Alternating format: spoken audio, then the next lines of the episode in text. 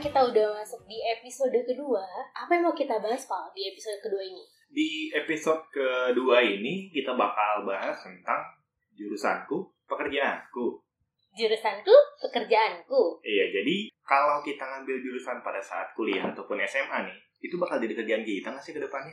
Atau kalau yang jurusan yang ngambil misalkan pertanahan atau perikanan, tiba-tiba ntar kerjanya di perkantoran sebagai sekretaris atau jadi supervisor eh, sales kan mungkin? Ya mungkin, Nah, mungkin. itu- Banyak kok. bakal nyaman gak sih mereka? Dengan jurusan yang beda? Bakal dapat gak sih dasar-dasar atau fondasi dia sebagai pekerja di dunia baru?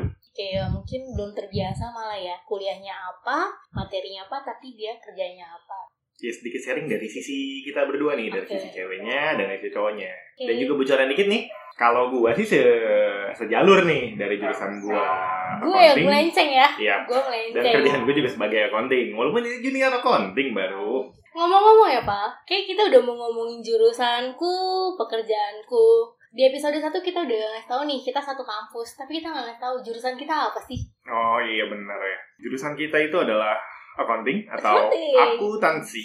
Akuntan Yang Kita berhubungan tahu dengan akuntansi. uang- uang, uang, Uang orang, betul. Kita nggak pernah megang uang itu kita nggak kita pernah megang gitu uang itu dan kita pernah ngitung betul sekali itu penderitaan sebagai anak akuntansi. Oke Ngeliat duit tuh kayak berjejer nolnya banyak banget Suka menghayal Kapan gue punya duit kayak gitu ya Segitu Terlalu sering berhayal sih anak akuntansi kayaknya kalau ngeliat apa yang dihitung tuh ya. Kalau dari diri gue sendiri, jurusan akuntansi di kuliah dulu tuh di D3 IPB itu sejalur dengan keinginan gue pas di SMA sih bu sebenarnya. Jadi, emang tujuan lo dari SMA udah mau masuk nih betul. Sebenarnya kalau dibilang tujuan banget sih nggak terlalu sih ya, karena gue dulu sempat mau daftar di universitas negeri terbaik di Indonesia. Jadi tuh ya ya Ya Eh kampus kita juga bagus kok bagus. Bagus Jangan banget. gue gak bilang jelek, Oh, iya. tapi kampus di Depok tuh eh, menarik minat banyak orang lah, se Indonesia mungkin ya, bahkan lebih mungkin. Kayak gue mau nyangga deh, gue malah enggak loh, gue berniat banget masuk IPB Gue cinta banget sama IPB Oh ya, lu IPB gadis keras ya? Yes, gue IPB nggak- gadis keras. Gue gak begitu sih ya. Gue Jadi gue dulu tuh ikut namanya kalau dulu tuh zamannya gue simak UI kalau nggak. Ya, gue gak nyebutin kampus, tapi lu tahu pasti kan ada. Disebut merek loh Iya, simak UI. Gue tuh di situ milihnya adalah sejarah dan ilmu bahasa Indonesia. Kok jauh ya? Agak jauh ya. Jauh, jauh Ta- takdir berkata lain, gue gak masuk dan akhirnya eh, ke jalur gue yang gue suka dari SMA itu adalah akuntansi. Gue ngeliat akuntansi itu kayak gue baru tahu akuntansi itu pas SMA. Lu kapan? Eh kuliah Oh, lu baru tahu. Oh iya, lu lu dari IPA ya, Gue basicnya dari IPA. jurusan gue SMA IPA Dan gue melenceng ke IPS Kalau gue sendiri tuh gue tahu akuntansi itu dari SMA sebenarnya. SMA kelas 2 baru masuk, terus gue bingung nih pelajaran apa. Ngitung banyak banget, bikin kotak-kotak dulu. Jadi dari SMA namanya. udah ngitung duit banyak gitu Udah, udah. Oh gue pikir cuma kuliah doang loh Enggak. Jadi pas SMA tuh kita udah dikasih doktrin tuh, jurnal. Nih, jurnal lo, makan itu debit kredit. Oke Terus bikin kotak-kotak dulu, bikin raca, laba rugi. Sekarang bukan raca ya, eh, posisi keuangan Oh namanya. dapat di keuangan Iya, Aduh gue gak posisi bener-bener kayak keuangan udah lupa gitu kayak Akhirnya gue lihat, wah ini kayaknya ada ilmu baru. Dan orang-orang di sekolah gue dulu tuh, sekolah swasta, itu kayaknya nggak terlalu suka. Ada yang suka tapi nggak terlalu gitu. Gue bilang, wah ini kesempatan gue nih, bisa pinter di satu pelajaran. Bisa Iya. menguasai satu pelajaran kan. Udah oke deh, kayaknya gue suka. Seg- Segampang itu aja, bukan kayaknya menarik hitungin duit. Wah kayaknya ini bakal jadi, wah filosofinya enggak. Simple aja, gue nggak pinter di mata pelajaran Lain banyak hal Hmm. yang terlalu dalam. Gue ngeliat akuntansi baru, ya udah gue coba. Dan akhirnya lo tertarik itu Bener, akhirnya gue masuk IPB dengan jurusan akuntansi di D3 IPB. Kalau lu sendiri nih gimana nih Put nih di SMA-nya nih kan lu dari IPA nih agak menarik sih ya. Iya IPA ngomongin tentang morfologi, tentang fotosintesis tiba-tiba harus ngitungin uang dan bikin jurnal tuh gimana nih ceritanya? Jadi sebenarnya kayak tadi lo, lo sebenarnya kan awalnya pilihannya eh, sebenarnya pilihan universitas lain kan bukan akuntansi doang kan? Hmm, betul. Gue pun sebenarnya enggak. Oh, jadi lu nggak langsung dari IPB dong? Bukan garis keras dong. Gue tetap ngambil IPB tapi jurusan lain. Gue Eh, ngambil di matem- S1-nya apa langsung di 3 S1, eh, kan gue tuh masukinnya lewat jalur rapor jalur rapot. Karena nilai IP IPA gue bagus. Eh tapi gue IPB juga jalur rapor bos. Eh kita kita rapot loh kita Iya, rapot berdua oke. Sebenarnya iseng-iseng berhadiah sih Hmm. karena gue tahu untuk masuk universitas itu nggak mudah. Jadi setiap ada kesempatan gue masukin sih. Ada panggilan eh, pakai jalur rapot oh ya udah coba aja. Diskusi sama orang tua dan kebetulan di D3 ini kebanyakan jalur IPS ya. Iya benar. Kebanyakan jalur IPS kan? Karena memang di PB ini yang gue tahu dulu konsepnya di tahun 2012 itu S1 itu emang dikhususkan untuk anak IPA kan. Kalau yang anak IPS kan agak gila, gue masuk IPB tapi gue gak tahu nih iya betul S1-nya kan gak bisa gitu. Ya udah akhirnya IPB ini megang D3. eh, D3, D3 itu lebih fokus ke IPS. Tadi yang benar. ada IPA ilmu gizi tapi tinggi gue tidak mencukupi pak jadi gue Oh, nggak ngambil unggul tinggi juga ya? Iya, ada ukur tinggi dan gue sadar diri daripada gue langsung nggak lolos. Jadi oke, blacklist. Iya. Akhirnya gue D3 ambil salah satu pilihan akuntansi dan untuk S1 sebenarnya gue ngambil matematika dan fisika. Dan fisika. Itu di PB dan ada lagi di universitas di luar kota sana gue ngambil pendidikan matematika dan pendidikan fisika. Oh, Sebenarnya emang gue suka matematika fisika, tapi sebenarnya gue juga nggak mau jadi guru. Oh, memang suka suka matematika Pelajarannya. iya suka pelajarannya di sisi itu gue pengen kuliah gue emang gue sukai cuman di sisi lain gue kuliah buat kerja kalau gue memaksakan untuk ngambil matematika fisika kan berarti mau nggak mau ya saat itu gue tahu ya sebagai guru gue nggak tahu kerjaan lain apa sih tentang matematika fisika. Gue nggak mau jadi guru jadi gue bimbang. Akhirnya gue ngambil yang emang lapangan pekerjaannya lebih banyak ya. Nggak mungkin lah gue mau kuliah ya buat kerja. Dan akhirnya dapet diskusi sana sini sama orang tua terpilih lah akuntansi dan gue nggak ngambil di tempat lain lagi. Udah fokus di akuntansi ini. Jadi sebenarnya kalau dibilang gue melenceng sih dari SMA dari IPA ke fisika eh, IPA ke akuntansi tuh pas awal kuliah sempet keteter sih. Awal semester tuh kayak bingung ini apa? Ini debit kredit ini apa? Tapi beruntunglah gue punya banyak temen yang berbaik hati menjelaskan dan nilai gue nggak hancur-hancur banget lah. Ya sih emang kalau di kuliah tuh semester satu akuntansi kalau yang lu mau nostalgia dikit atau yang lu mau baru mau kuliah nih ya. Akuntansi itu di semester satu tuh mirip banget sama akuntansi di SMA pas Oh, gua kuliah mirip dulu. banget ya? Mirip banget. Jadi semester satu tuh gue masih ya sedikit menguasai lah, menyombongkan diri. Tapi emang mirip banget jadinya gue kayak mengulang lagi di SMA. Ya alhamdulillah nilai gue juga gak terlalu jelek banget kan semester 1 Tapi ternyata pas semester 2 dan semester setelahnya Barulah itu perjuangan dimulai perjuangan mendapatkan nilai itu sudah mulai terasa berat Iya, ya. Berat banget sih menurut gue itu di akuntansi D3 D3 ini nih kemarin itu praktikumnya berapa jam ya ya dulu ya? Empat eh Hmm, tiga jam setengah mungkin jam ya. ya, Gue iya. gua gua agak lupa mungkin tiga jam setengah itu akuntansi itu itu perpajakan, itu auditing, oh gila sih dulu sih jadi lama ya pak dan capek sih capek banget. Tapi perjuangan. untung kita nggak ada kuliah sampai malam ya. Ya ada, Nggak ada. nggak ada kuliah kita sampai emang batas cuma sampai sore aja. Ah, Emang kampus tapi kita tidak dari pagi. mengizinkan. Tapi dari pagi, Ya. dari pagi. Jadi Dari kalau pagi. lu sekarang tiba-tiba, aduh, gue ngantuk nih kuliah jam 8, jam 9. Men, gue dulu kuliah jam 7. Tujuh. Gue kalau hari Senin, bareng sama anak SMA yang mau upacara. Jadi berangkat kita harus pagi-pagi soalnya bakal Bener. macet. iya, bakal macet. Hari Senin Perbedaannya bakal macet. adalah, gue gak harus nyari topi atau benda sih. Jadi, itu sih secara garis besar sih kehidupan kita di kampus. Eh, masuk pagi pulang sore maghrib sih lebih tepatnya. Terus kita bawa bukunya juga lumayan tebal-tebal dulu dan harus dibawa. Ya lumayan capek tapi kebayar lah sama sekarang kalau dilihat dari apa yang kita dapat nih. Iya. Terus kalau karena D3 ini beda sama S1 sih kebanyakan eh, pastinya bedanya adalah kita tuh ada PKL. Iya, awal semester 6 ya. Iya semester-semester akhir. Kita tuh D D3 itu kan 3 tahun ya. Iya, berarti di Iya semester iyalah D3 3 tahun. Ya, oke. Jadi di semester 6 awal kita persiapan PKL ya. Jadi PKL itu dibagi beberapa sub mata kuliah ya. Iya. Ada yang perpajakan, ada yang akuntansi biaya, ada yang auditing, ada yang akuntansi sektor pemerintahan atau sektor publik, ada yang akuntansi Sistem eh, akuntansi. eh, sistem akuntansi dan akuntansi keuangan. Yap. Dan paling banyak diambil adalah simak. Itu berebutan banget sih. Iya, sistem Harus akuntansi. berebutan banget Jadi karena kalau anak akuntansi ini sekarang pasti lu inget flowchart. yes, itu yang paling bukan paling mudah juga sih mungkin lebih kita lebih paham kali ya. Jadi kebanyakan lebih milih itu. Hmm. Yang gue tahu sih sebenarnya sistem flowchart ini kalau kalau di S1 sih ya itu lebih lebih lebih banyak lagi yang dibahas sih bukan hanya kita bikin suatu siklus gitu. Iya, Banyak banyak lebih banget. lebih lebih banyak, banget lebih Cuma banyak karena banget. kita ada tiga mungkin ya Iya, pembahasan jadi- kita belum terlalu banyak dan Mm-mm. akhirnya banyak banget itu sampai rebutan dosen pun kayak ngomong kenapa sih harus ngambil simak semua gitu masa materi TA kalian isinya simak semua gitu kan yang ngambil akuntansi tuh dikit loh Iya, jurusan akuntansi tugas akhirnya banyak yang ngambil simak, Simak. bukan akuntansi keuangan. Yes. Jadi lu ngapain selama tiga karena tahun? resikonya juga tinggi sih pak ya Iya. kadang nggak banyak perusahaan yang mau ngeluarin data keuangan mereka Eh, kita tuh nyari perusahaan kalau nggak salah satu bulan dua bulan. Itu bulan dua Terus bulan ya PKL itu selama tiga bulan. Iya. Ya sedikit sih, nggak terlalu banyak. Daripada anak SM, SMK yang gue tahu ada yang sampai enam bulan, ada yang sampai satu tahun loh bahkan. gue lupa SM- SMK itu tuh yang gue tahu sih sekarang sih. Lu dulu PKL ngambil apa nih, Bud? gue ngambil sistem tapi sistem pajak Oh, perpajakan yes ya. perpajakan tapi gue ngambil sistemnya gue ngambil di KPP Madya di Jakarta gue awalnya bingung sih habis itu gue kayak masih bingung jadi waktu itu sebenarnya gue cari aman sebenarnya cari aman karena gue tahu di perusahaan itu nggak segampang itu kan jadi gue sama temen gue kita coba yuk KPP gue emang niatnya mau ambil pajak kan. Gue sebenarnya sharing dulu sama pembimbing. Eh sorry bukan sama pembimbing sama dosen. Ya udah ngambil sistem perpajakan dan akhirnya gue milih tuh KPP Madya dan di sana pun gue datang tuh dengan keadaan saya sebenarnya masih bingung mau ngambil apa. Dan akhirnya pembimbing di kantor mereka nyaranin ngambil sistem perpajakannya tentang penagihan.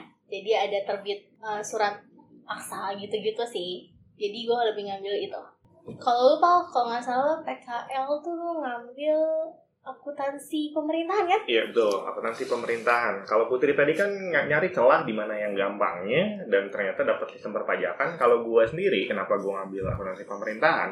Ini sama kasusnya kayak pas gue dulu SMA sebenarnya. Hmm. Gue baru kenal akuntansi dan gue bilang, wah ini kayaknya mata eh, mata kuliah lagi, mata pelajaran. Hmm. Mata pelajaran itu kayak cukup unik dan orang belum pada tahu. Oke, gue bisa. Oke, gue harus bisa gitu. jadi lu lebih suka yang menantang ya Bukan menantang, Oh, gue nyari celah di mana orang-orang kagak ngerti. Iya sih bener-bener akuntansi pemerintah termasuk susah loh. Sumpah susah. di, di eh, angkatan kita, angkatan 49. Jadi gue lihat di angkatan gue ini, akuntansi pemerintahan tuh agak kurang diminatin nih banyak orang. Hmm, Pada nggak ngerti kan? Iya. Ya lu tau lah nilainya juga banyak kecil. Dan gue termasuk besar dulu tuh.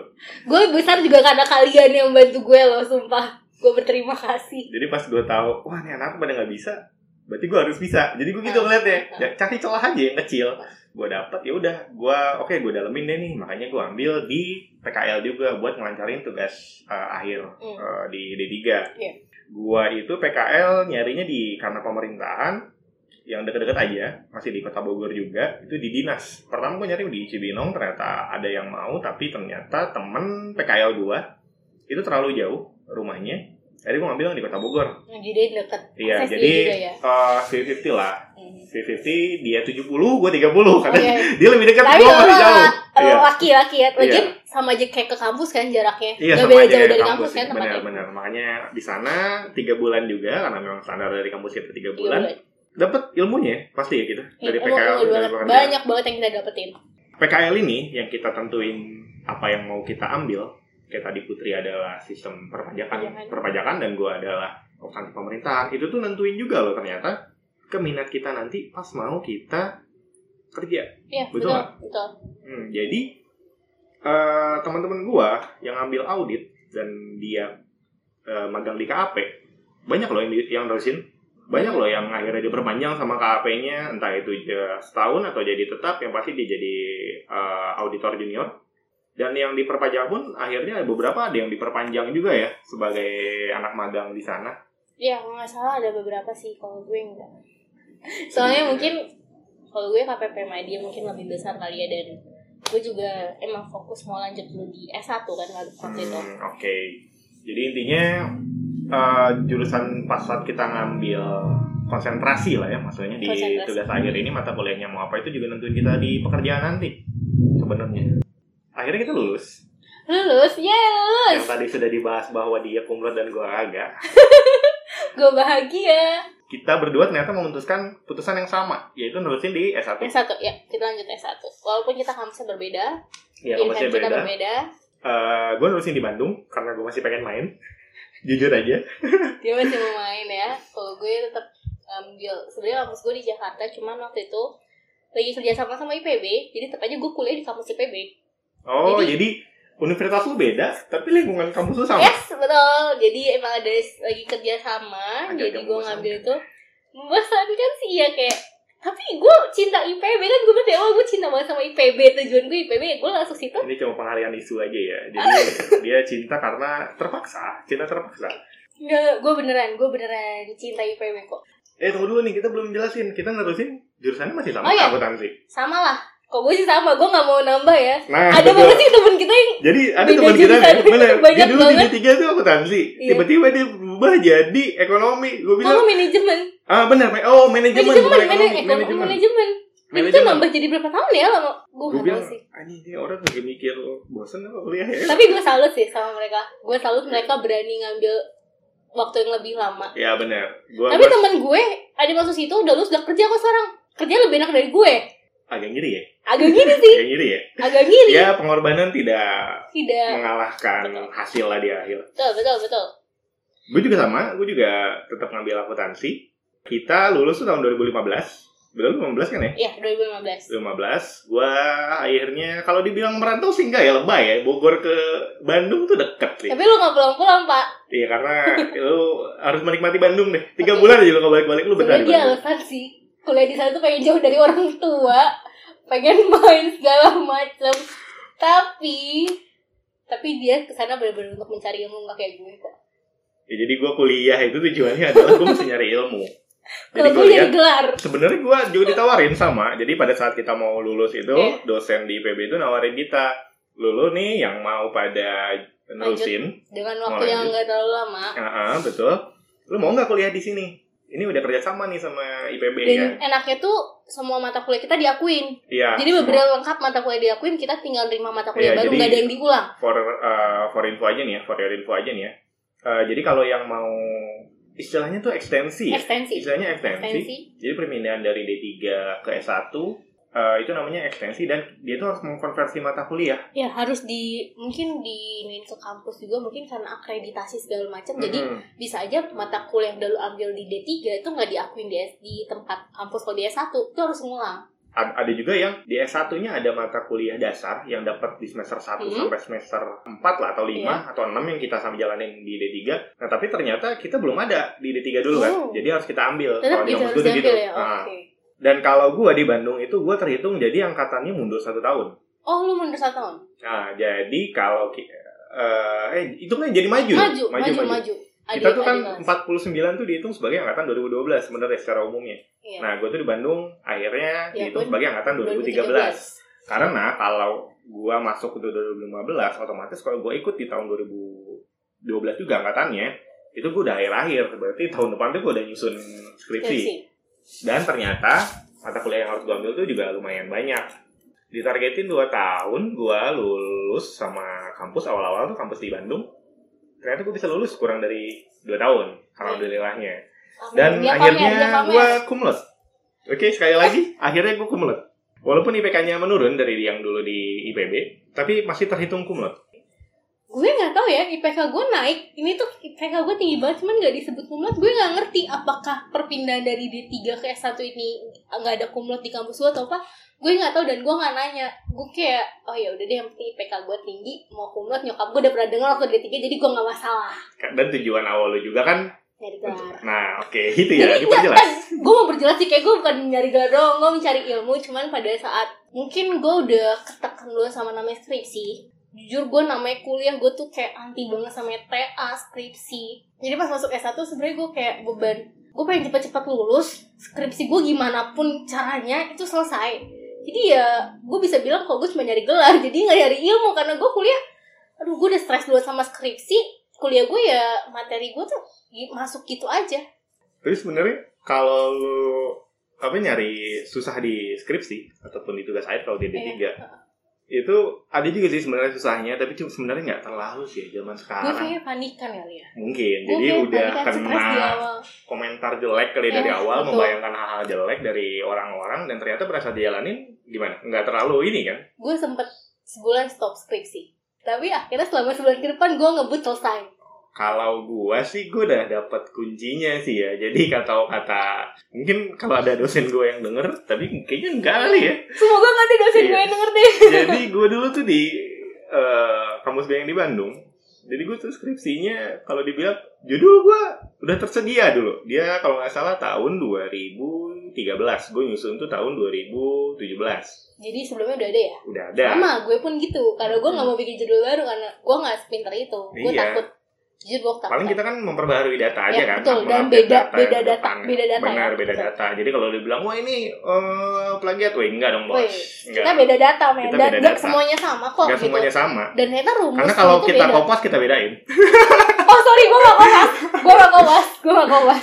Perbedaannya dulu pada saat gue D3 kan gue ngambil akuntansi pemerintahan yang tadi kan ya, gue Hmm. jelasin. Nah, gue ini di Bandung, skripsi gue tuh ngambil perpajakan. Oke, bagus. Perpajakannya perpajakan daerah. Tapi daerah lagi sih, pemerintah daerah gak beda jauh ya. Iya Lu benar. mainnya gak Jadi jauh-jauh. gue nggak terlalu jauh lah kalau Oke. dia misalkan ini pengap ah nggak usah ngebahas akuntansi lah sepanjangan.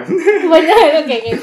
Eh, jadi intinya pada saat eh, ngambil konsentrasinya di tugas akhir dan deskripsi sekarang, alhamdulillahnya juga lancar. Lan lah, kok dibilang lancar lancar banget ya. Gue malah bis, gue tuh lulus sidang itu bulan November, November tahun 2017 ya. November 2000 Eh, eh. Juli, Juli tuh gue sidang. Aduh, gue gue lupa. Kita tuh lulus 2015 Juli Juli ya Iya wisuda ya. betul. Nah, gue tuh sidang Juli 2012 setelah Lebaran, gue inget banget. Jadi orang-orang Oh, gue udah wisuda, libur Pak. Gue udah wisuda. Iya, lu udah wisuda, gue udah wisuda itu. Jadi orang-orang pada saat libur lebaran, gue tuh udah di Bandung buat nyiapin karena seminggu eh hari masuk pertama kali setelah lebaran itu gue sidang. Jadi Wow. orang-orang Lo mau Makan opor ya? nih. Lo, lo makan tuh data ya. iya, gue makan skripsian. Oke, makan skripsian itu sangat nikmat sebenarnya. Jadi pokoknya gue konsentrasi banget tuh setelah eh, lebaran gue langsung oke gue fokusin deh buat ke sidang karena dulu for info aja nih gue dulu pada saat D3 gue dihabisin sama dospem kan. Gue nggak mau nih terulang kembali lah kisah-kisah pilu pada saat di D3 IPB sidangnya.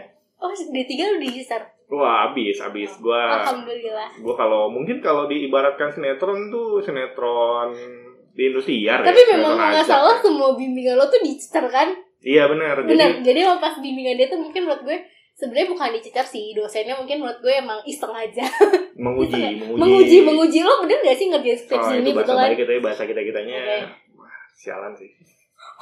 Gue gak ikutan gue gak ikutan. Enggak enggak enggak jadi sebenarnya kayak mungkin lebih memantapkan si anak tuh kalau emang ini hasil kerja dia gitu loh. Jadi bener-bener ngelotok sih ya ah ngelotokin bener. Jadi bener nggak sih? Terus apa yang lo tulis tuh nangkep nggak sih di ya, otak ya, lo betul. bisa nggak lo jelasin? Nah gitu sih jadi nggak sekedar D3. cuma nulis doang. Nah dia satu ini gue lanjut ya cerita gue pas gue lulus ini gue sebenarnya tuh bisa. Gue sebelum lebaran bulan Juni berarti ya Mm.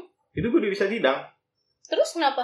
Lama gue males ngurusin gitu mungkin lo lo males ngurusin itu ya gue malas jadi gue udah beres nyusunnya gue udah beres sampai kesimpulan dan saran tuh gue udah beres. Tapi gue tuh belum ngurusin jadi di kampus gue tuh kan harus ngopi berapa bukan yudisium jadi Oh, bukan. persiapan mau sidang tuh pokoknya harus ngopi oh berapa belum berapa buku. sidang sorry belum Belum, sidang. baru oh, sidang, baru mau sidang. pikir jadi sidang. kalau nggak salah tuh kita harus nyiapin kalau nggak salah empat empat kopian Iya. atau tiga kopian gitu ya. Iya, jadi nggak beda jauh sih. satu tuh buat kita sisanya tuh buat penguji dan pembimbing. Iya, dua pembimbing satu.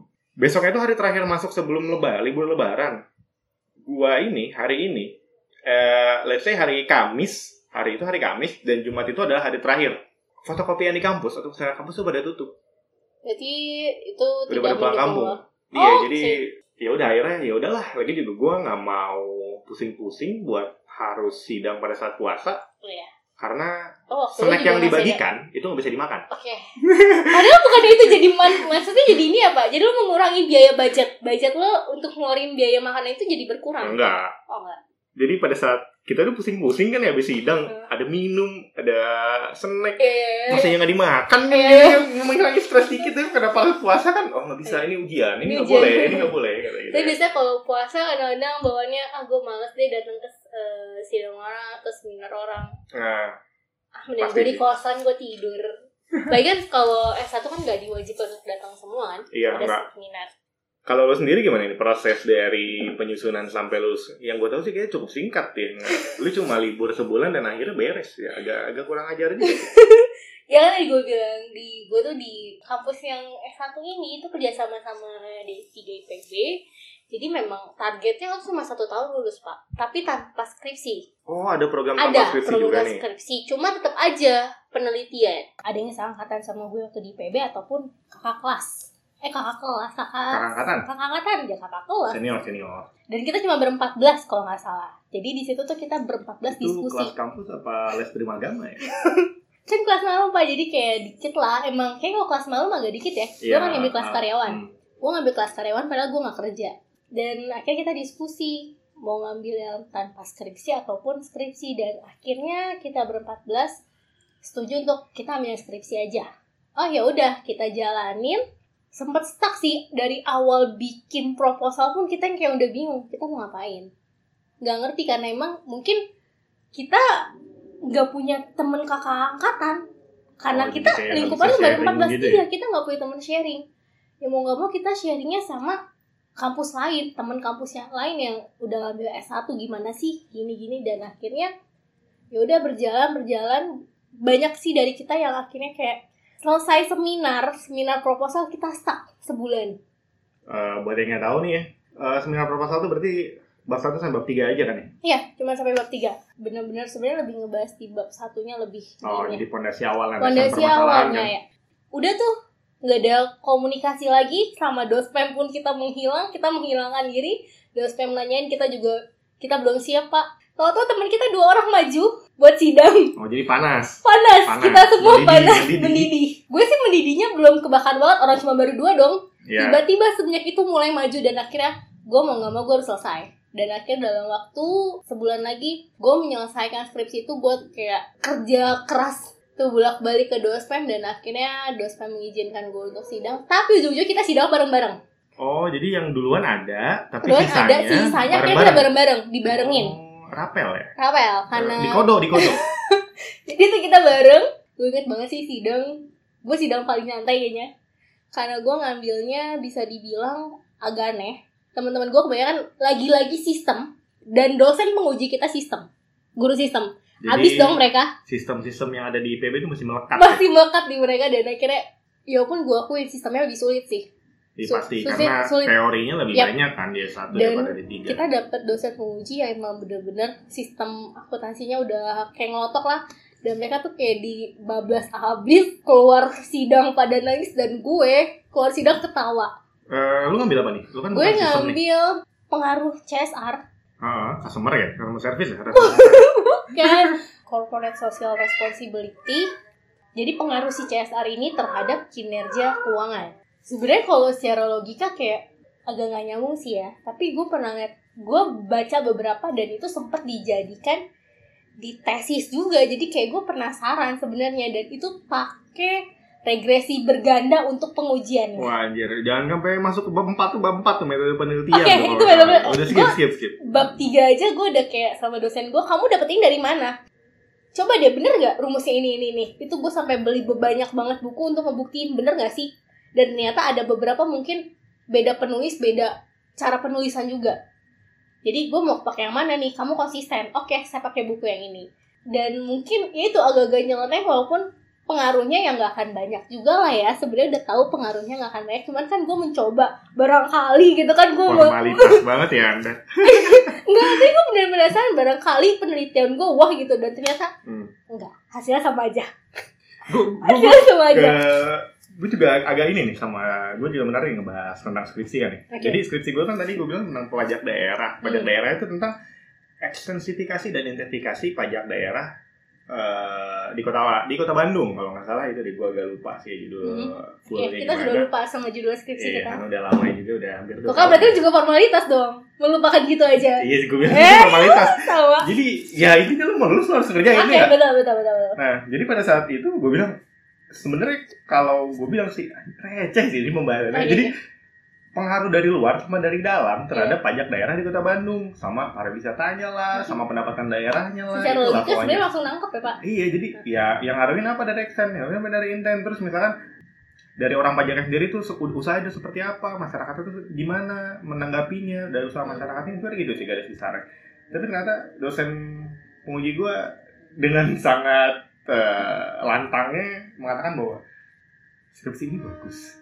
Mungkin bisa jadi pegangan eh, dasar Pak Ridwan Kamil untuk mengembangkan pariwisata di Bandung. wah luar biasa itu Langsung lu langsung kayak pede Gue bilang, emang iya. IPK lu naik ya tinggi nilai skripsi lo deh nilai sidang lo Oh A, gua sidang gua A. Eh, Gue juga A kok, gue juga A. gua A, gua. Alhamdulillah gue A. Dan for info aja, gue sidang itu cuman 30 menit. Sama, Mantap ya? sama. Kita mantap 30 menit. Pada saat sidang, gue udah naruh skripsi dua nih, buat eh, tiga, buat dua dua penguji dan satu pembimbing. Oh, lu udah penguji? Dua penguji dan satu pembimbing. Dan dia tuh cuma ngelihat cover dan kesimpulan. Sip. Sama, sama banget sama Jadi dia tuh nggak nggak buka tengah-tengahnya. Padahal ya kalau gue agak sedikit membocorkan aja rahasia dari seperti itu masih eh, draft eh, draft skripsi kan, karena belum jadi skripsi karena belum lewat dari sidang kan. Itu gue banyak typo nya. Bab satu itu kan sebagai landasan kita untuk eh, pembahasan skripsi. Hmm. Itu tabel eh, nilai eksentifikasi penerimaan pajaknya kota Bandung itu harusnya gue masuk ke pajak daerahnya kan pajak restoran Oke, lu ngambil restoran ya?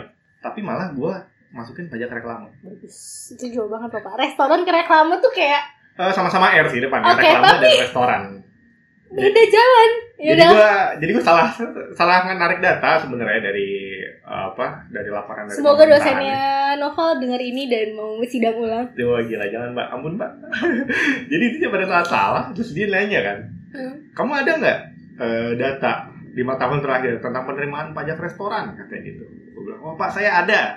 Jadi gue naruh si tabel ini nggak cuma di bab satu tapi gue naruh juga di lampiran gue Pintar, jadi lo nyampir, lampirin di lampiran. iya Oke. lampiran di lampiran gitu kan. Kalau bab satu kan cuma secara garis besarnya dan Mhm. penjelasannya. Nah dari apa di lampiran ini gue uh, naruh nggak cuma lima tahun tapi bisa sampai berapa tahun? Oke, maksudnya tujuh gitu tujuh tahun. Karena gue dapat data tujuh tahun kan lumayan. Hmm. gue tahu oh ada pak. Tapi gue nggak nunjukin langsung di bab satu. Karena kalau bab satu ketahuan. Iya. itu salah. Iya, oke. akhirnya gue tunjukin ada pak di lampiran Eh, lampiran nomor berapa? Ya gue apa lampiran. Gue dikit soalnya kan. Iya, oke. Eh, dua apa tiga itu gue lupa sekarang. Oh ya udah dilihat. Oh ya benar. Udah tutup. Oh ini bisa dikembangkan kan ya? Skripsi kamu bisa dikembangkan gitu. siapa yang bisa lulus aja dah dalam hati. Dalam Dalam hati gitu kan. ini lulus ya. akhirnya beres cuma 30 menit gue keluar teman-teman gue yang nungguin gue lu gimana Val? Ditanya apa aja? Gue biasa aja gue senyum. Kata temen gue lu seneng banget Gua, iya lah gila. Gua dari D3 bisa lulus S1 kurang dari 2 tahun target dan bisa sidang cuma 30 menit Nah, kalau skripsi gue udah dibahas di bablas abis pas seminar. Kamu tujuan kamu ambilnya apa aja gini gini gini bener-bener diarahin jadi pas eh, sidang skripsi gue nggak terlalu dicecar karena gue udah dicecar di eh, di proposal sih. setelah tadi kita udah ngebahas tentang skripsi kita nih ya Hmm. dan jurusan-jurusan kita pada saat SMA dan kuliah Nah, ini kan pembicaraan nih, hmm, pembicaraan tujuan nih ya. inti dari ya walaupun kita udah ngalorin dulu banyak banget Banyak banget kayak banyak. Aduh, sedikit nostalgia nih dulu pas Eh. saat kuliah sama karena penyusunan-penyusunannya masa kuliah tuh masa indah, iya bagi gue tuh masa indah banget sih indah banget. Eh, akhirnya kita alhamdulillah udah bekerja nih sekarang masing-masing Yap. gue sih baru gue sebagai accounting junior staff junior ya, accounting Pak? malah Udah berapa lama pak? gue masuk tanggal 2 Januari jadi Oh, orang ya? hmm, Kan baru ya? Januari 2018 tahun lalu tahun lalu Ini jadi orang-orang nih masih pada seneng-seneng nyalain petasan bakar-bakar ayam dan ikan Lo kerja, lo masih kerja. besoknya tuh udah wanti-wanti gue hari pertama Gak mau boleh telat. Oke.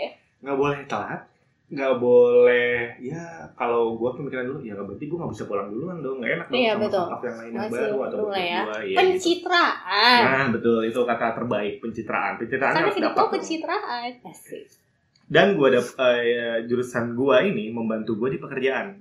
Gue itu satu lain dengan pekerjaan gue Iya. sekarang sebagai accounting. Terus kalau orang nanya rata-rata emang pekerjaan lu sekarang? Sangat mempengar apa sangat memba- eh, emang pekerjaan lu sekarang tuh membantu membantu nggak sih pelajaran-pelajaran pada saat di kuliah?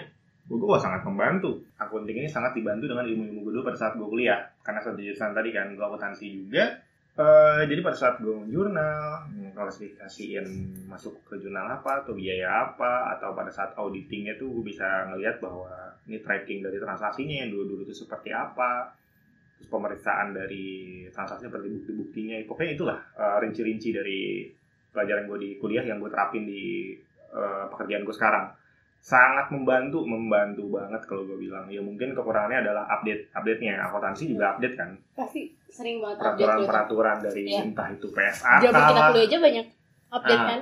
Ya, gua, kita dulu pada semester 1 tuh gue inget banget masih cash basis dan ternyata pada saat dua tahun kita kuliah udah jadi accrual basis. Itu gue udah lupa. Iya itu gue inget banget. Jadi semester satu semester 2 tuh kita masih cash basis. Ternyata pada saat semester berikutnya, semester 3 semester 4 kalau nggak salah tuh udah jadi accrual basis. Jadi sistemnya tuh harus, emang kita dulu diajarin accrual sama cash basis, tapi yang kita pegang kan cash basis karena masih cash basis. Ternyata udah berubah jadi accrual basis. Itulah pokoknya sistem di akuntansi. Yep. Jadi alhamdulillah banget sih menurut gue, gue bisa satu jalur, bisa ya kalau anak zaman sekarang kan passion lah ya, passion gue nih di sini ya itu bener. Gue bilang nih, ya beruntung banget sih gue bisa dapat kerjaan yang sesuai walaupun ya gitu. Karena bagi gue, goalnya sekolah accounting adalah membuat laporan keuangan. Yep. Itulah goalnya seorang accounting tuh gitu dan gue belum dapat. Ya gue mikirnya karena ya gue masih stuck baru. Masih baru. Lu mau ngacak-ngacak laporan keuangan perusahaan kan nggak mungkin kan gitu. Iya. Makanya gue masih ya dapatnya masih in jurnal, ini rembesan orang lah tuh biaya-biayanya tuh gue gue liatin. Gitu Tapi kan sih. ilmu dari bawah itu malah ngebantu lo kan. Sangat sangat membantu. Jadi gue kayak nggak duduk terus gue bingung ini apa, ini gimana gitu enggak. Gue gue, gue dapat banget ilmunya. Jadi gue nggak harus bengang-bengong paling bengang-bengong yang penyesuaian doang. Kalau dulu kan misalkan jurnalnya jurnal ini aja, nanti di di apa di kantor gue mengakuinya sebagai ini. Itu aja sih penyesuaian aja penyesuaian. Nah kalau dari gue tuh sebenarnya dibilang menarik juga nggak terlalu ya karena gue sejalur nih. Hmm. Gue gue sejalur, gue udah tinggal sedikit usaha dan ya? banyak menikmati. Iya, jadi kayak ng- ngeluarin apa yang udah lo sama lo dapet terus sekarang lo keluarin tuh. Nah, jadi Ilmu lo lo, lo gunakan. yang gue invest tuh yang gue keluarin sekarang. Ya, nah, sekarang nih menariknya adalah di Putri. Kenapa di gue? Temen gue ini itu jauh dari jalurnya. Kalau menurut gue jauh sih. Jauh Lu dulu ngitungin duit, yang ngitungnya masih dapat lah. Gue masih ngitung kok. Iya, Beda gue masih gak dapet. pakai kalkulator sekarang. Iya, ngitung duitnya masih dapat. Eh ngitungnya masih dapat bukan ngitung duit. Ngitungnya masih dapat. Tapi dia sebagai guru les matematika di salah satu tempat les. Ya cukup punya nama juga di beberapa gue Iya. lihat sih. Ini sih hal menariknya. Jadi jurusan kita tuh nggak harus jadi pekerjaan kita nanti kan ya? Iya betul. Sebenarnya enggak. Tadi sebenarnya novel sudah nyinggung ya mungkin yang kuliah sana tapi kerja di perkantoran itu sebenarnya nggak nutup kemungkinan karena ya semua rezeki orang udah diatur kan. Oke, gue mungkin ya tadi novel bilang gue unik. Gue pun ngerasa gue unik kayak gila gue kuliah empat tahun hampir empat tahun setengah ngitungin uang orang tapi gue kerjanya ngitungin angka-angka kecil sebenarnya nggak sebesar jadi kayak keuangan ya kalau guru les matematika kan ya angkanya nggak sampai triliunan sampai miliaran lah enggak lah. Tapi juga bukan ngomongin uang kan. Kok gue bisa sih masuk sini? Gue pun nggak tahu. Sebenarnya dulu sempat ter sempet terpintas sih sebenarnya SMP itu gue gue emang suka matematika dari SD itu emang mat, pelajaran paling gue suka tuh matematika. Kenapa? Mungkin karena bokap gue basicnya juga orang matematika orang fisika jadi ya turun juga ke Oh anaknya jadi menurun gitu ya? Iya menurun. Bokap Hmm. gue pun dulu kerja. Buah tidak jauh jatuh, buah tidak jatuh jauh dari pohonnya. Itu gue juga bingung ngomongnya. Bokap gue sebenarnya kerja di ya pegawai negeri sipil. Tapi biasanya kalau malam itu dulu ngajar les juga, les private matematika, fisika, kimia. Dan gak jauh. Dan anaknya nih, gue punya kakak sama. Dia pun jadi guru, guru matematika dan guru fisika. Nah tempat les gue ini awalnya adalah tempat kerja kakak gue. Kakak gue resign, belum ada pengganti. Mau nggak mau gue dikorbankan untuk menggantikan dia. Oke. Jadi gue kayak tumbal gitu loh pak. Tapi tumbal yang enak dong. Tumbalnya enak. Iya, jadi tumbal orang-orang nih ngasih-ngasih CV nunggu lama di PHP-in. Ya sorry gue curhat dikit. jadi gue udah berapa kali lah intinya pasti ya relate juga sih sama lu semua yang lagi nyari atau dulu pernah nyari-nyari susah beberapa kali Iya. perusahaan ya. Itu yang oh iya mas. Jadi gue udah ke tahap selanjutnya kan, Iya. udah wawancara sama Sering supervisornya itu. Iya. Nanti kita kabarin ya mas ya untuk proses selanjutnya. Udah Iya, nunggu-nungguin. jadi kayak Gak ada kabar. Aduh, PHP juara banget nih untuk orang-orang HR nih ya, orang rekrutmen. Wah, lu Bikin hati-hati ya. PHP tuh sakit hati banget sakit loh gue nungguin. Wah, gue udah sampai tak gue pun gitu sebelum gue kerja di sini gue udah ngelamar di perusahaan swasta. Bukan berarti gue lulus terus gue diem aja enggak. Gue milih. Emang satu hal kebodohan gue yang gue akuin pertama kali gue ngelamar kerja itu karena jarak dari rumah gue ke sana jauh banget. Gak ada kendaraan umum yang bisa gue naikin dengan enak ya. Kalau bus gue rada-rada serem. Jadi mau nggak mau ojek. Dan itu ongkosnya gede banget. Dan gue tau minta gaji berapa? 5 juta Ajar.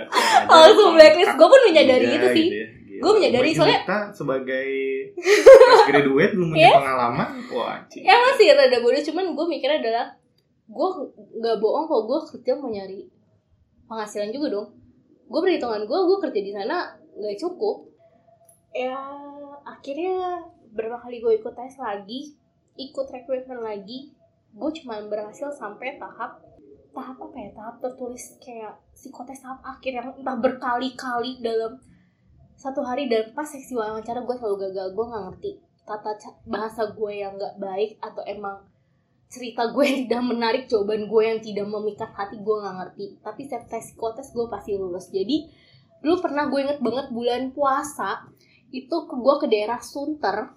Anak yang nggak tahu jalan Sunter gue nekat naik kereta sendiri untung gue anak angker ya gue ngerti lah kereta Hmm. dari situ gue cukup beroleh naik ojek online Ya, eh, sangat membantu ya Joko eh ojek online sama membantu gue karena gue gak tau jalan terima kasih dan Grab. Hari Yes. ini gratis ya, besok masih gratis mungkin. oke amin Oke lanjut. gue sudah menaikkan ya nyampe sana itu gue ketemu teman-teman diploma juga Oh, masih satu kampus juga. masih ada juga satu kampus Wah, akhirnya kita gila. tes jadi saat itu tuh langsung tahap eliminasi tes psikotesnya tuh sekitar 3 atau 4 kali dari tes koran tes gambar bla bla bla dan itu semua gue lolos gue udah tahap itu sampai sekitar setelah zuhur ya akhirnya ada kalau di Indonesian Idol tuh istilahnya dapat golden ticket Yes, ya. Di Jakarta tuh udah udah fix ke. Jakarta, tapi Jakarta lu masih harus diuji lagi ya diuji lagi, diuji lagi gitu. Ada tapai ya.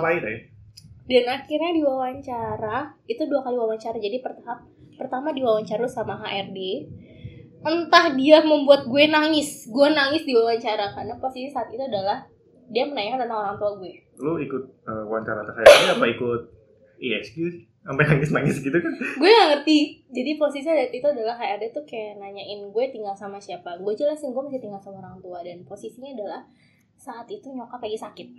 Oke nyokap sakit pokoknya gue dibahas gimana kamu ninggalin mama kamu? Jarak kamu jauh loh Bener nih. dong dan itu gue langsung kayak HRD-nya mantan trainer di ISQ kayaknya. gue digituin nangis gak gue yang anaknya cukup sayang kalau dibahas tentang orang tua dan gue kayak lemah gitu kan ya mau nggak mau Tapi lu pastiin di sekitar lu gak ada yang lagi motong bawang kan?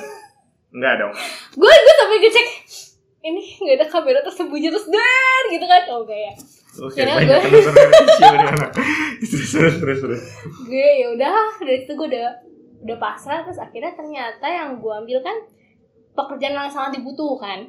Kira langsung interview sama bagiannya di situ gue tes cuma berdua. Dan itu nggak semua orang bisa dapet. Gue udah mikir dong wah gue udah satu tahapan lebih maju dong.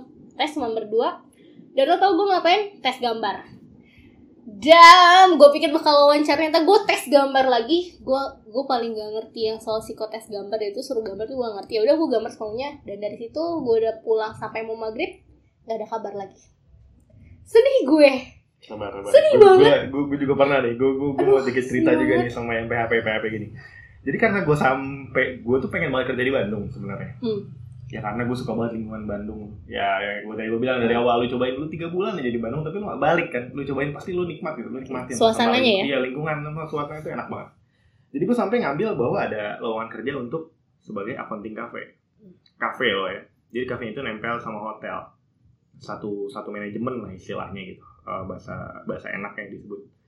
Eh gue udah eh, tes awal tuh tes tulis, gue berhasil sama satu orang ada gue lupa namanya siapa dia orang Rancaikek kalau nggak salah gue lupa.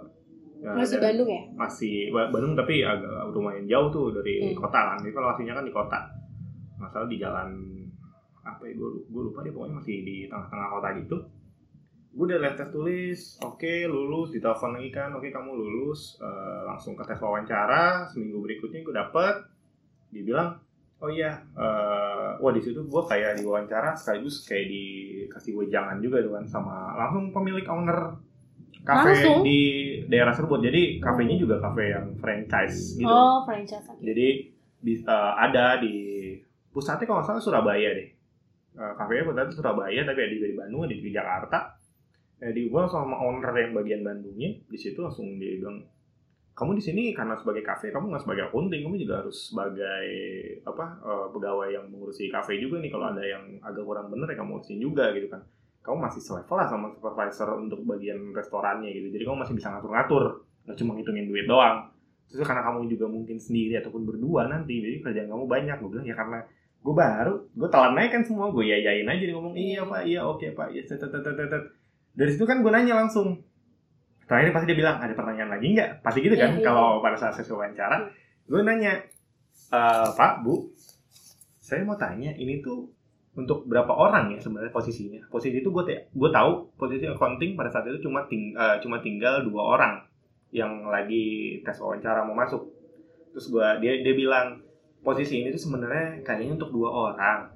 Eh, dan nah, kita masih bingung nih di tempatnya ditempatkannya satu di kafe satu di hotel apakah langsung kita gabung aja? Jadi kamu megang hotel dan kafe gitu. Gue langsung diwawancara sama dua orang tuh sama kandidat satu lagi. Sisa dua orang dibutuh dua orang. At least gue langsung berpikir wah gue masuk dong gitu kan. Iya. gue masuk dong. Soalnya udah tahap akhir nih kan. Iya. gue udah proses tawar menawar gaji juga udah udah proses tawar menawar gaji itu di pada saat itu.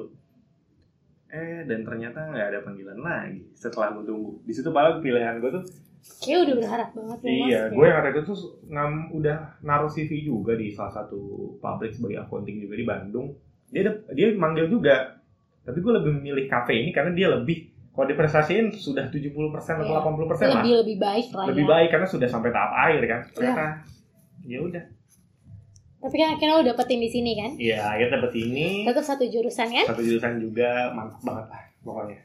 Gue emang beda jurusan sih. Jadi gue tuh sebenarnya akhirnya kenapa gue keterima di sini tadi. Gue tuh bikin ini pas lagi skripsi S1 yang gue bilang sebulan gue mandek gue mandek karena ini. Gue udah keenakan kerja gue dapet gaji. Ah yaudahlah skripsi gue gitu. Nambah dong biaya ya udah gue bayar. Karena gue udah keenakan kerja dan akhirnya sekarang gue terbelenggu hampir tiga tahun di sini. Gue udah jadi guru matematika udah hampir tiga tahun. Lo yang baru satu tahun hampir satu, satu tahun Udah, setengah udah, ya? udah satu tahun ya satu tahun setengah hampir hampir satu satu tahun setengah. Gue udah tiga tahun. Jujur sih ilmu gue hilang semua.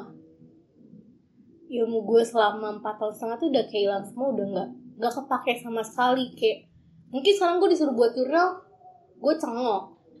Gue diem. Mungkin bisa sedikit. Tapi iya karena gue udah nggak pernah perdalam lagi ilmu itu gue udah ikut brevet juga loh zaman kuliah tuh gue ikut brevet dan kayak wah gila Kalau yang nggak tahu brevet tuh kayak sertifikasi, sertifikasi perpajakan tambahan ya, perpajakan ya. betul Jadi karena emang gue minta lebih ke perpajakan ah, salah satu kualitas juga bagi orang yang nyari kerja itu biasanya Iya. memiliki brevet A atau B, B, atau A dan betul. B gitu kan. Iya. Dan sebenarnya itu niat gue emang PNS. Cuman pas kita lulus, PNS itu masih penutup loh pak, masih ditutup. Ya kan nggak ada pembukaan Iya, PNS ya mau Iya nggak mau. baru banyak buka PNS. Dua tahun terakhir ya. Iya sekitar 2017 18 lah Iya, ya pokoknya. 18 saat- tuh yang lumayan ramai. Yang gitu. ramai. Hmm. Hmm. Gue ikutan sih PNS 2 tahun cuman gue tapi dulu gue pengen banget masuk perpajakan di eh, Kemenke, tapi gue nggak pernah ikutan Kemenke. Kenapa? Wah saingannya gila banyak banget, Banget sih. banget. Kan, tapi emang itu juga angka yang paling banyak nyari eh, lulusan akuntansi. Iya ya. betul. Dan akhirnya gue nggak mencoba itu, gue mencoba tempat lain tapi belum dapet rezekinya juga dan akhirnya gue masih terbelenggu di sini. Cuman gue dibilang nih enak gak sih kerja di sini? Ada enak gak enaknya? Sebenarnya tadi gue bilang gue dari kecil passion gue memang di matematika. Gue suka matematika.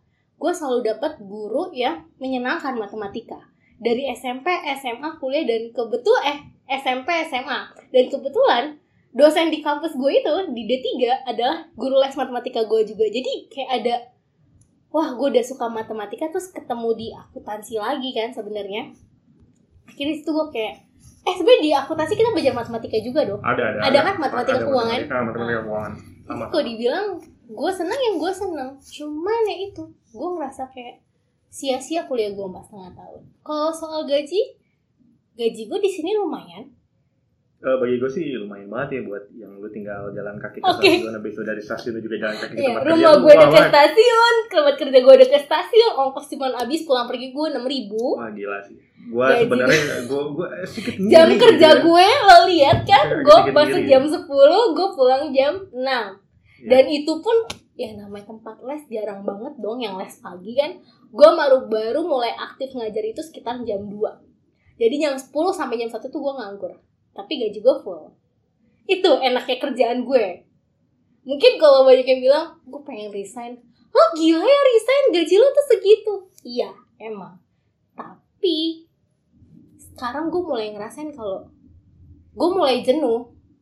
Gue mulai jenuh, gue kayak, gue mau balik ke jurusan awal gue, gue mau ngerasain kayak teman-teman gue yang selalu update lah kerja di kantoran ngeluarin eh, apa berkas-berkas jurnal-jurnal laporan keuangan mereka gue kangen hmm, itu emang kurang aja ya media sosial yang yes. update update sebenarnya kayak gitu. gitu sebenarnya bikin gue kayak sakit hati karena jadi, gue inget banget pertama bilang, kali jadi pas saat, saat uh, ntar gue potong sorry but okay. jadi uh, waktu karena kita nerusin dan kita yeah. belum kerja jadi kayak dipanas-panasin iya, gitu ya temen kita yang udah kerja dan dapat gaji pertama dulu masih zamannya pet ya pet, pet lagi hits banget ya zaman ribu. 15 kita lulus tuh masih ya, zaman banget Petra masih hit lah. Lu bangun lu update, lu tidur lu update, lu nontonin lagu apa lu update, update lu gimana ya. mana punya update, update lah ya. Dan banyak teman-teman gue yang share gaji pertama yang mungkin dia masih megang apa jadi masih amplop gitu kan belum secara rekening belum belum secara transfer belum secara mati gue sialan. Ya udah dapat duit. Lo nggak apa-apa iya. kita tuh capek kuliah loh. Dan lo sekarang udah pamer-pamer gue rasa kayak gitu kayak ya, apa sih manfaatnya gitu? gila ya benar-benar sebenarnya itu jahat loh gue Ya. gue ngomong gue itu jahat Kalau buat gue sih ya persepsi masing-masing sih. Iya. Dia kan, Buat ya siapa, gue. ya siapa tahu dengan dia seperti itu. Motivasi ya? Ah, benar oke motivasi. oke oke gue harus berpikiran positif berarti Iya, oke itu iya. motivasi cuma kan kadang itu bikin gue sakit Iya hati. pasti sih, pasti ada. sampai ada sekarang kan. ya makanya gue bilang gue Jadi- pengen resign tapi sayang gaji gue Jadi intinya eh, beda jurusan itu bagus, nggak harus sama. Iya. Jadi kalau lu misalkan di perikanan tapi lu jadi sekretaris di salah satu kantor di BUM apa BUMS eh, eh, swasta atau BUMS ya, sih gue ngomong. Em, itu bagus kalau memang ya dibalik-balikin lagi kalau memang kalau kasusnya Putri sih yang gue lihat ya Put ya. Jadi karena lu tidak satu jurusan dan awal-awalnya menyenangkan tapi lu dapat titik jenuh kan di sana ya Yap, titik jenuh. dapat titik jenuh eh, bahwa anjir kayaknya ini bukan kalau gue balik lagi ya bahasa sekarang tuh passion gue Ya, katanya. bukan passion gue bukan passion gue nih passion eh, gue tuh kayak depan komputer. Hmm, jadi kata dosen dia depan komputer gitu kan. Ya kak gua kalau gue sih merasakan resign jujur belum sih ya karena ya ya, ya lu tahu Kenapa? kan gue baru satu tahun gue juga masih seneng dengan satu jurusan gue Eh, tapi ada teman-teman kita juga nih gue dengar dari teman-teman gue juga yang dia beda jurusan sama kayak lo tapi dia senang kenapa karena memang dia nggak suka jurusan dia pada saat kuliah nah ada juga yang seperti itu. Nah, jadi dia itu ke uh, universitas negeri ya, universitas negeri yang kita sangat kejar-kejar dulu kan dari SMA dan kita dapat negeri juga di kan Ya. D3-nya kan S1-nya kan kita swasta nih masing-masing nih.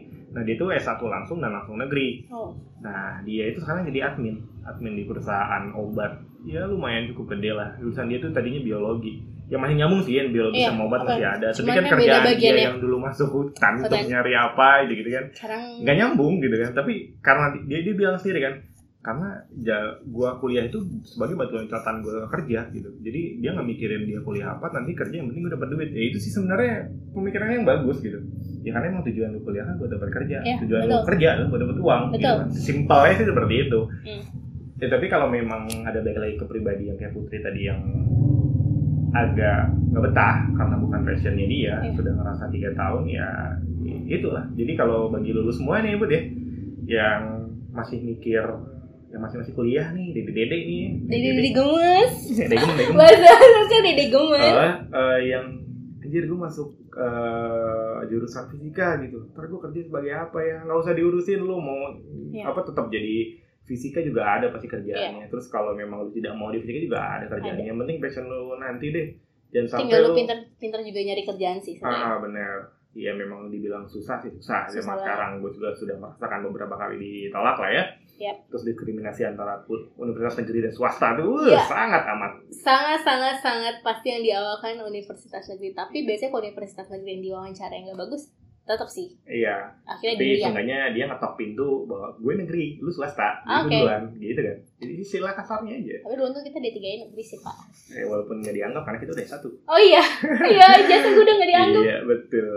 Em, mungkin kita bisa narik kesimpulan ya dari obrolan kita hari ini. Yep.